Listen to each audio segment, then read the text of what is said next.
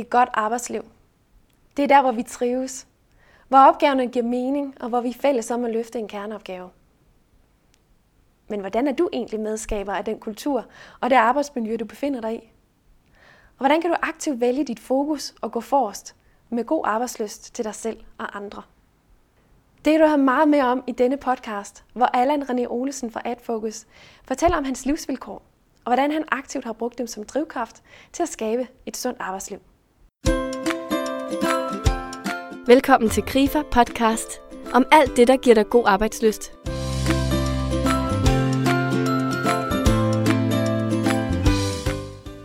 Det er ikke så væsentligt, hvad der sker med dig, men hvad du gør med det. Så hvad gør du nu? Sådan lyder en af Allan René Olesens budskaber i denne podcast. Allan er direktør og konsulent i firmaet AdFocus, der blandt andet lever af at øge trivsel og arbejdsglæde på danske arbejdspladser. Det er et arbejde, der tager et meget personligt afsæt i Allans egen baggrund og de omstændigheder, som livet har bragt ham i. Med afsæt i sin egen historie giver Allan en kærlig opsang til vores forståelse af samarbejde og relationer i arbejdslivet. Både om at komme op af stolen og blive vores eget ansvar bevidst, men også om at turde stille spørgsmål og undres. Lyt med og få indblik i, hvordan du ved hjælp af små skridt kan gå for os og gøre en mærkbar og positiv forskel for trivselen på din arbejdsplads. Mit navn er Nina Trubka. Velkommen. Allan, hvad forbinder du med et sundt arbejdsliv? Jeg forbinder med et sundt arbejdsliv, at øh, det, man går for sig, så det giver mening. Og at man kan se, øh, at der kommer noget ud af ens anstrengelser. Øh, og at man har nogle stærke relationer øh, på arbejdspladsen. Og de ting, de, de stammer fra, at ledelsen har sat de rigtige rammer for en. Jeg siger gerne, at vi, vi er hinandens arbejdsmiljø. Det er ikke kassen, vi sidder i og arbejder. Det er vi små brækker i hinandens puslespil. Så vi har hele tiden indflydelse på hinanden. Jeg er en del af dit arbejdsliv, hvis vi arbejder sammen, og du er en del af mit. Så jeg kan ikke bare sørge for selv at trives, så kører det. Det er en del af et fællesskab. Jeg som individ har ansvar for fællesskabet, og har så har fællesskabet naturligvis ansvar for den enkelte, og for at vi indimellem, når tingene går galt, eller der er en, der er ved at gå ned, øh, eller er ved at blive stress, eller, eller vi får øje på, at der er nogen, der har gang i en opgave, som er for svær for dem at løfte, at vi så som fællesskab træder ind og siger, at vi har et ansvar her. Men hvordan er dit arbejdsliv sundt? Jeg arbejder faktisk sammen med en af mine bedste venner. Det er ikke altid, at øh, man kan sige, at det er, at folk vil give mig ret i, det er sundt. Men jeg har fået skabt et liv, som jeg gerne vil have det. Det er jo ikke sådan, at det er uden problemer overhovedet. Men det er noget, som giver mig rigtig meget mening. Og jeg ser nogle resultater af de ting, jeg går ud og gør, og de ting, der bevæger andre mennesker. Øhm, og så har jeg nogle rigtig stærke relationer, både til mine kunder, men også til, øh, til de mennesker, jeg arbejder sammen med. Og grunden til, at jeg overhovedet er her, altså mit, mit, mit mantra, øh, man må sige virksomhedsmantra, det er lyst til livet. Der skal simpelthen være lyst til det. Hvis ikke det er det, så kan det sådan set være lidt lige meget. Og øh, min far, han døde øh, af stress, da han var 48 år gammel sige, han døde ikke af stress, han døde af nogle følgevirkninger af stressen. Øh, han, han var simpelthen så stresset. Jeg har ikke nogen øh, akademisk uddannelse, der har taget mig til, hvor jeg er. Jeg er kontorassistent. så det er levet liv, der er afgørende for, øh, hvorfor jeg gør det, jeg gør. Og det startede med min, min far, der, der døde. Og så tænkte jeg mig selv, det skal simpelthen blive løgn. Sådan skal mit liv aldrig nogensinde være.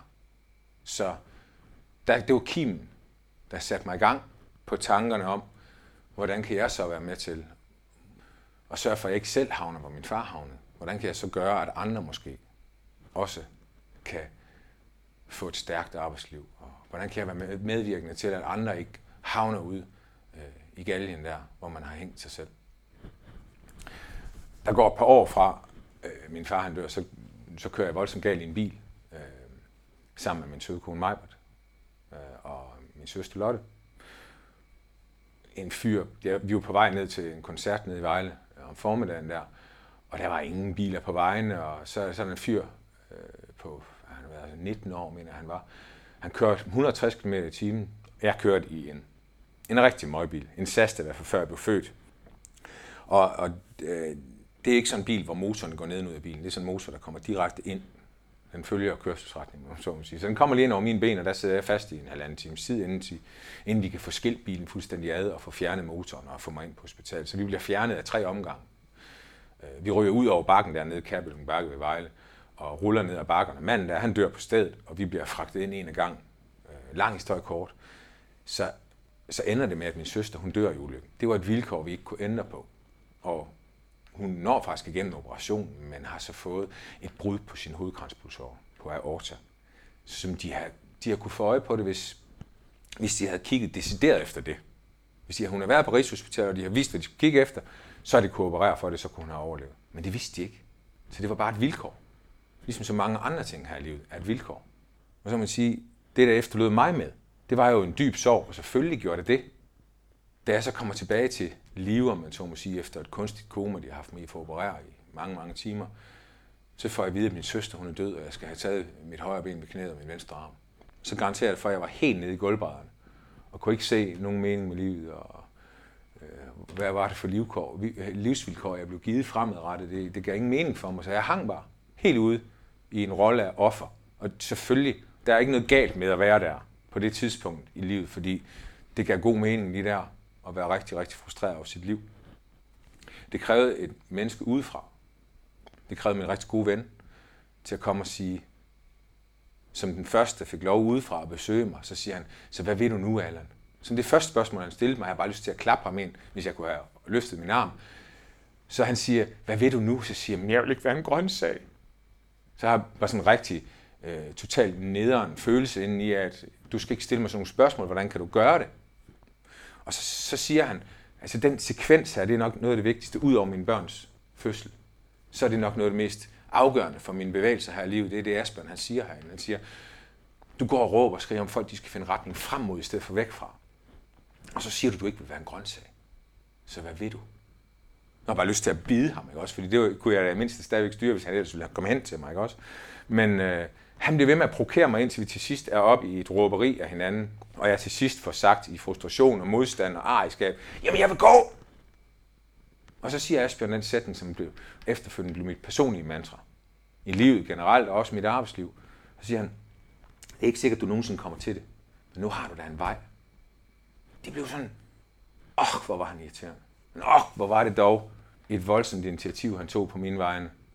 Så jeg kunne få øje på, at hvad så nu? Så, så hvad så nu? Lægger du nu tilbage og får øje på, hvor tingene ikke kan lade sig gøre? Eller vil du prøve at finde ud af, hvad kan så lade sig gøre? Det er ikke så væsentligt, hvad der sker med os, som hvad vi vælger at gøre med det. Det er til gengæld voldsomt interessant. Og det er der, mit udspring er i det her med at finde ud af at trives i sit arbejdsliv. Det er sådan set, det er ikke væsentligt, hvad der sker med dig. Det, det er ikke. Det, det passer ikke. Det er væsentligt, hvad der sker med dig. Det er bare ikke lige så væsentligt, som hvad du gør med det. Fordi det, der sker, det sker jo alligevel. Så kan vi sætte, sætte os tilbage i vores arbejdsliv og sige, jamen hvis ikke politikerne, de var sådan nogle idioter, så skulle I se os på skolerne.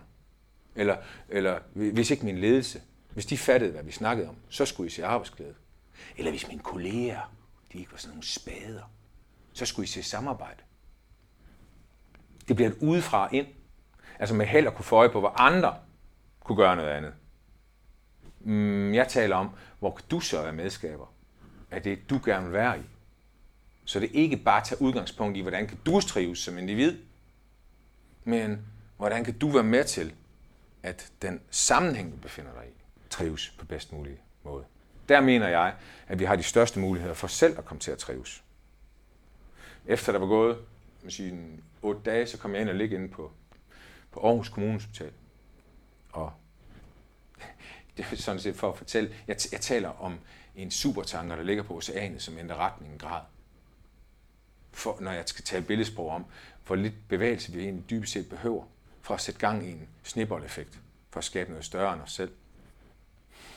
Øhm, hvis en supertanker ligger på oceanet en retning en grad, så kan du ikke se det i morgen eller om en uge. Men om et år, så ligger supertankerne et helt andet sted på kloden. Da jeg lå på det her hospital her, så kunne jeg mærke her, efter der var gået nogle 8 dages tid, at nu skulle jeg så på toilettet. Men jeg har jo lavet alt, hvad man kunne lave. Det har jeg lavet i min seng. Jeg har spist, jeg har set tv, jeg har snakket med folk. alt har jeg lavet i min seng. Så tænkte jeg, mm, nu prøver vi noget andet. Så ringede efter sygeplejersken, så hun så kommer ind og siger, hvad kan jeg hjælpe dig med? Så siger jeg, jeg skal, jeg skal, øh, ja, I får lige den på den pæne måde. Jeg sagde noget andet, men jeg sagde, at jeg skulle på toilettet. Og så siger hun det fint, du kører bare. Hvad mener du? Så siger hun, du, har jo, du ligger jo, hvor du skal, og jeg skal nok gå rent efter dig. Så siger hun, nej, ved du hvad, jeg vil gerne, du kommer ind med sådan en bækkenstol, sådan øh, en ting med metalfad på neden der, som jeg så kan sidde på. Og hun siger, nej, hvor er det dejligt med initiativ. Og så går hun igen og kommer tilbage med en sygeplejerske og en portør. Så de er tre, og de får mig bukseret op og stå. Ved sådan en, en skumgummi talerstol der. Øh, en talerstol med skumgummi på toppen og hjul på, som så kan låses. Og der står jeg så og hænger ved den. Og, og så lige pludselig så bliver bukserne fjernet. Og så står jeg der øh, Og og tænker, kan du få de bukser op igen? Jeg siger, jeg vil så selv få de bukser op igen, og jeg fik nærmest en old for det ham, da han rykkede de bukser tilbage, hvor de kom fra. Men jeg fik så lov efter tid at gøre det selv, og, og man sige, det er et toiletbesøg, vi taler om her. Vi taler succes for en toårig selv at gå på lokum, og så taler vi om det igen for, for en 90-årig. Her var det det for en 21-årig mand. Så det afhænger lidt af, hvor vi befinder os i livet, hvilke bevægelser vi skal, vi skal tage for at være medskabere af noget andet. Så her, for min, for, det var mit Mount Everest. Det var mit første skridt tilbage til livet. Og nu handler det her jo kun om mig selv. Så der var jeg indet. Jeg var måske ikke engang særlig rar at være sammen med. Det tror jeg, der er mange, der vil skrive under på, at jeg ikke var. Mit fokus var skærpet i sådan en grad, så jeg fik ikke øje på andet end mig selv. Nogle gange, så skal vi gøre det. Men ofte, så skal vi prøve noget andet. Her var det jo tilbage til et liv. I langt de fleste tilfælde, så handler det jo om en omstændighed, som vi ikke har indflydelse på, men som har knap så voldsomme effekter, som min udlykke havde. Og når det, når det så er sådan, og det handler om et arbejdsliv, så handler det for mig at se om, hvordan kan du sørge for andet end dig selv. Så det handler for mig at se om, hvordan kan man komme ind til noget, hvor, hvor man ikke udelukkende fokuserer på ennyttigheden. Jeg er så optaget af uennyttigheden. Jeg synes, at vi som mennesker er blevet alt for gode til at få øje på, hvad, what's in it for me? Hvornår, hvornår, hvornår trives jeg? Men vi er her ikke for at trives på en arbejdsplads.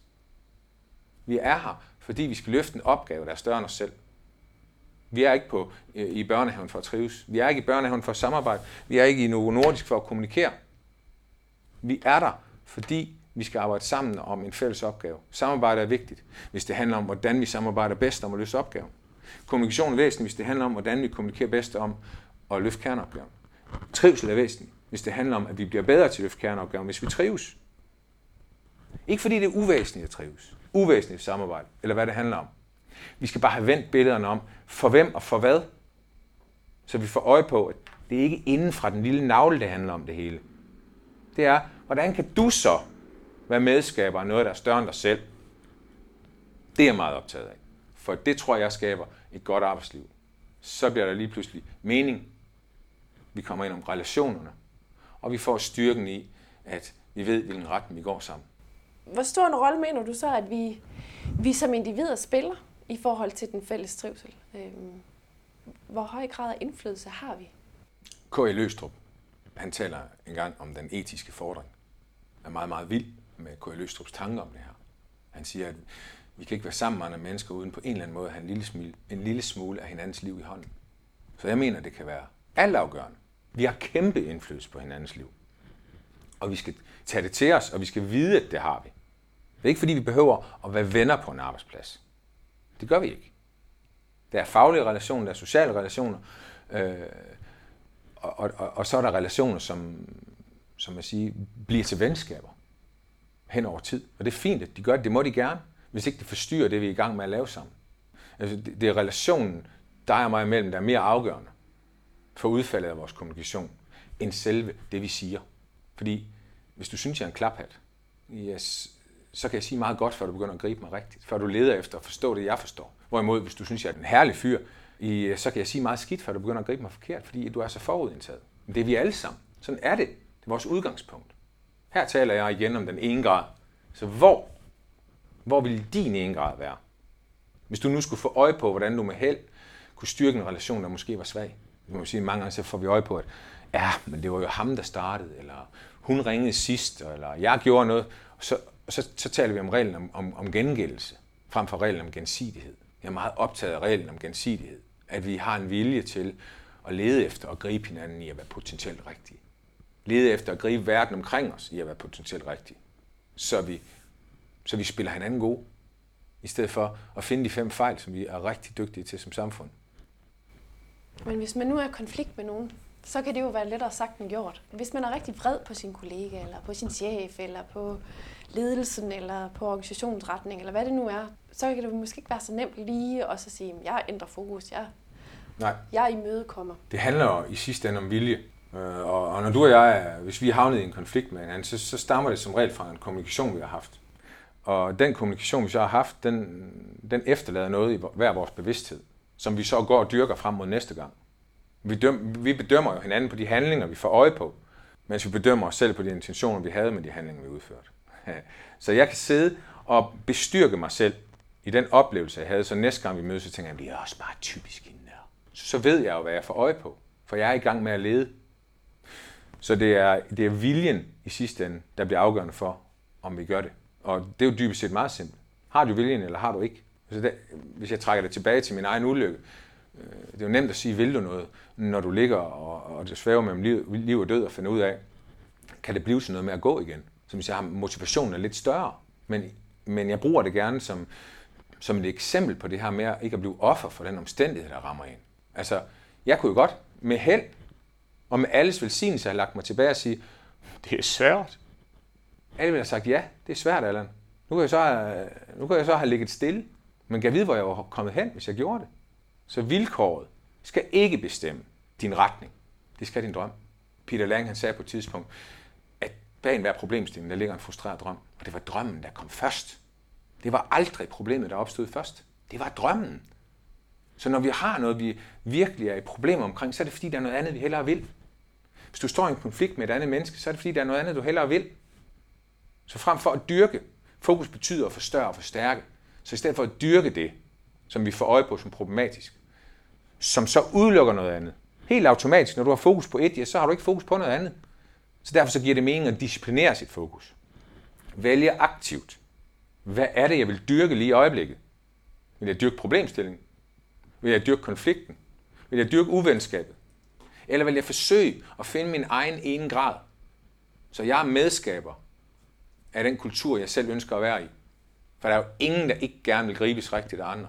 Der er ingen, der ikke gerne vil have stærke relation- relationer på en arbejdsplads. Så det er vilje i sidste ende for mig at se, øh, der bliver det afgørende. Gør vi det, eller gør vi det ikke? På et tidspunkt, der var jeg, der var jeg ude og, og have en, øh, en flok ledende sygeplejersker, hvor der så øh, i, en, i en pause, efter jeg har talt om det her med relationer, er en af de ledende sygeplejersker, som siger til mig, ja, og det er også rigtigt alt, hvad du siger, det her med relationer. Men hende der, hun er simpelthen så intrigant, så irriterende, og så, jeg magter hende ikke. Der er jo nogle mennesker, dem, dem falder vi pladask for. Så er der andre mennesker, øh, som vokser på os over tid, og så er der nogen, vi bare skal have i små doser. Sådan er det. Det bliver aldrig anderledes. Men det er med at få øje på, hvor dit eget ansvar ligger. Og det, det, det der, det er noget af det, der ligger mig meget på sinde. Det er ansvaret hos den enkelte, frem for at få øje på, hvor andre med held kunne gøre noget andet. For hun, hun havde meget styr på, hvor den anden kunne gøre nogle ting meget anderledes. Men hvis vi vil ændre på andre, så må vi med rette også give dem muligheden for at ændre på os. Spørgsmålet er bare, om vi vil det. Ej, men jeg har jo ret. Ja, måske. Og hvis du så endda har ret, er det så vigtigt, eller er det vigtigere, hvad I kan skabe sammen? Det er ikke altid nok at have ret. Så jeg udfordrer hende, og jeg opfordrer hende til at tage en snak med kvinden her. Det vil hun så ikke. Jeg skal møde dem igen, så jeg kæder dem to og to, og de skal have en dialog omkring nogle ting med relationer. Og jeg kan også godt se på hende, at vi forlader hinanden, og frem mod næste gang, at hun synes ikke, jeg er nogen stjerne lige der. Fordi nu skal hun jo snakke med klaphatten, som hun ikke bryder sig om. Men det er sådan en, det er jo en solstråle, det her. Jeg har også oplevet andre historier end solstråler. Men lige præcis her, der viser det sig, da vi møder hinanden igen, så har hun fået øje på noget, hun slet ikke havde set. Fordi de har været i dialog med hinanden. Hvis vi bare går med hver vores fjendebillede, hvis vi fortolker ud fra det, de handlinger, vi har fået øje på hos den anden, og ikke taler sammen, så er det nemt at fastholde fjendebilledet. Hvorimod, hvis vi så kommer i dialog med hinanden med en ærlig, oprigtig øh, intention om at forstå den andens perspektiv, så garanterer jeg for, så ender det et andet sted. Så fastholder du ikke, at vedkommende er idiot, Jeg siger, du, øh, du trives meget godt, når du ikke får øje på en idiot, en idiot i Miles omkreds. Ofte så, hvis, hvis, vi, hvis vi starter dagen, hvor, hvor vi hænger med armen og synes, det er svært det hele, ja, så er der idioter overalt. Eller dagen, hvor vi har hænderne over hovedet, så er der ikke en idiot i Miles omkreds. Kan vide, hvad det handler om. Måske det handler om dit perspektiv på tingene. Hvis du får øje på 40 idioter på en dag, så vil jeg ved på, at idioten ikke sidder på den yderside af din øjenlåg, men lige inde på den anden side. Øh, så de her to mennesker, de kommer i dialog med hinanden og ender med at øh, faktisk at blive rigtig gode kolleger, øh, fordi de får øje på hinanden. Og det er jo det, der, det handler om. Det handler om at få øje på hinanden. Det handler om at ture undres, også over hinandens faglige praksis. Vi kender altså det her med, at der er et eller andet, der støjer på linjen imellem os i relationen. Og så lader vi det ligge. Enten fordi vi er konfliktsky, og vi er bange for, at det hele eksploderer, hvis vi rører ved det. Eller fordi vi tænker, at det må ledelsen tage sig af. Det er ikke mit ansvar. Så vi undlader at tage ansvar for den videre udvikling af den støj, vi får øje på. Det er for mig bare ikke godt nok. Ever. Fordi det er også at handle. Det er også at træffe et valg om at gøre noget. Vi vælger bare ikke at gøre noget. Og så tager vi ikke ansvar for udviklingen af den problemstilling, der støjer. Der mener jeg, at 99 ud af 100 gange, der får du en bedre situation, hvis du altså har modet. Hvis du altså har modet til at undre sig over det, du får øje på. For hvis du undrer dig, uden at det er en fluesmækker, hvor du siger, jeg kan simpelthen ikke forstå. Men hvis du siger, jeg undrer mig simpelthen, for eksempel over den faglige praksis, du har. Jeg undrer mig over, hvorfor du gør, som du gør lige der. Så, øh, og vedkommende kan fortælle mig, hvorfor vedkommende gør sådan. Måske endda med fagligt belæg. Så vil jeg sige, nå, okay. Det kan godt være, at jeg ikke er enig. Men nu forstår jeg baggrunden for din handling, så det ikke bliver handlingen, der alene står og skal være min fortolkning af situationen. Nu har jeg din handling, og dine perspektiver på din handling, så jeg bedre kan forstå. Nu er det altid vanskeligt at fastholde fjendebilledet. Vi kan så vælge at gøre det alligevel. Men øh, ja. Men det er også et valg, jo. Ja. Det er også et valg, ja. I Grifa, der siger vi, at, øh, at god arbejdsløst, det er noget, vi gør for hinanden. Hvordan kan jeg hjælpe mine kollegaer, eller min afdeling, eller min organisation, eller min chef med at få et bedre arbejdsliv? Det handler om at dele ud af sit overskud og holde på sit underskud. Jeg ser det her med undringen som den mest afgørende, øh, det mest afgørende element i, i samarbejde. At vi tør investere i hinanden. Hvis du kommer fra weekend, og nogen spørger dig, hvad, har du haft en god weekend? Så siger nej, det pissede jo ned hele weekenden. Ja, jeg spurgte dig ikke, om du boede i Spanien eller Danmark. Jeg spurgte, om du havde haft en god weekend. Hvis jeg deler ud af mit underskud, altså kommunikation stammer fra latin og betyder at gøre fælles, så skal vi bare være meget opmærksom på, hvad det er, vi gør fælles. Når jeg begynder at sige noget, så begynder jeg at skabe virkeligheder sammen med dig. Alt sker i relation. Ind i mit, i mit univers, så handler alt det, jeg går ud og laver, øh, det handler om relationer. Det er ikke så vigtigt med en strategi eller et mål, som det er om den adfærd, der kommer efter, udlever det. Vi, vi, vi, vi kan lave så mange værdier ude i virksomheden, som vi alle sammen kan blive enige om. Om vi skal have engagement, og vi skal have villighed til, og vi skal samarbejde. Jamen super. Der er ingen af ordene her rundt i verden, vi kan blive uenige om. Men det, der virkelig giver mening, det er der, hvor man kan oversætte de her ord, som nogle gange bliver bare ren bullshit bingo. Altså oversætte de ord til handlinger, konkret i hverdagen. Det er der, det, det kommer til at give mening for den enkelte. Den enkelte er medskaber af den kultur, den enkelte gerne vil være i, i stedet for at sidde og vente på, at andre skal gøre noget. En gang imellem, så er det den nænsomhed, der ligger i K.L. Løstrups snak om at have en lille smule af hinandens liv i vores hånd. At vi er opmærksom på, hvor lidt der nogle gange skal til for at bevæge den anden. Og det ansvar, det må vi ikke, det må vi ikke glemme. Det er det væsentligste. Så du skal undre dig, og du skal turde investere i hinanden og så skal du dele ud af dit overskud. Og når du investerer i andre, så er det ikke bare i, det er ikke bare i, jamen du er simpelthen så sød. Altså, så meget ah, så dejligt at være sammen med dig. Jamen, det kan også godt være, det er det, og det skal du også fortælle. Men du skal også ture og investere i den anden. Og, og med øh, investering, der mener jeg, også sige det, du får øje på, som trækker en anden vej. Altså, hvor er det, vi også kan give hinanden et opdrag? Hvor det ikke bare bliver på, du er så sød, men hvor det også bliver på, ved du hvad, og med en anerkendende ånd naturligvis. Ikke en fluesmækker igen. Men hvor er det, jeg godt kunne få øje på, at vi kunne få endnu mere fra dig? Prøv at overveje, at hvis jeg undrer mig virkelig meget, over noget, du går og foretager dig. Og jeg som sådan har en konstruktiv kritik til dig. Vil du så helst have, at jeg holder den for mig selv, eller vil du gerne have den? Vi vil have den, Ja, ikke også? ja. Der er ingen af os, der ikke vil have den. Vi kan godt frygte for at få den. Men ofte, når vi får konstruktiv kritik, og når vi får noget fra andre, som har retning, det er jo der, der kan ske noget imellem mennesker. Som Allan understreger, så er vi hinandens arbejdsliv.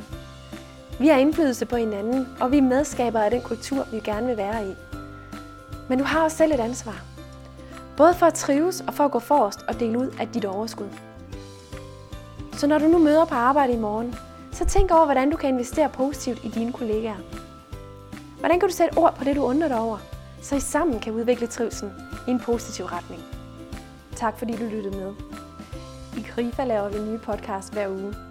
Du kan lytte til vores podcast og læse spændende artikler på hjemmesiden arbejdsløst.dk eller via vores app, der hedder God Arbejdsløst.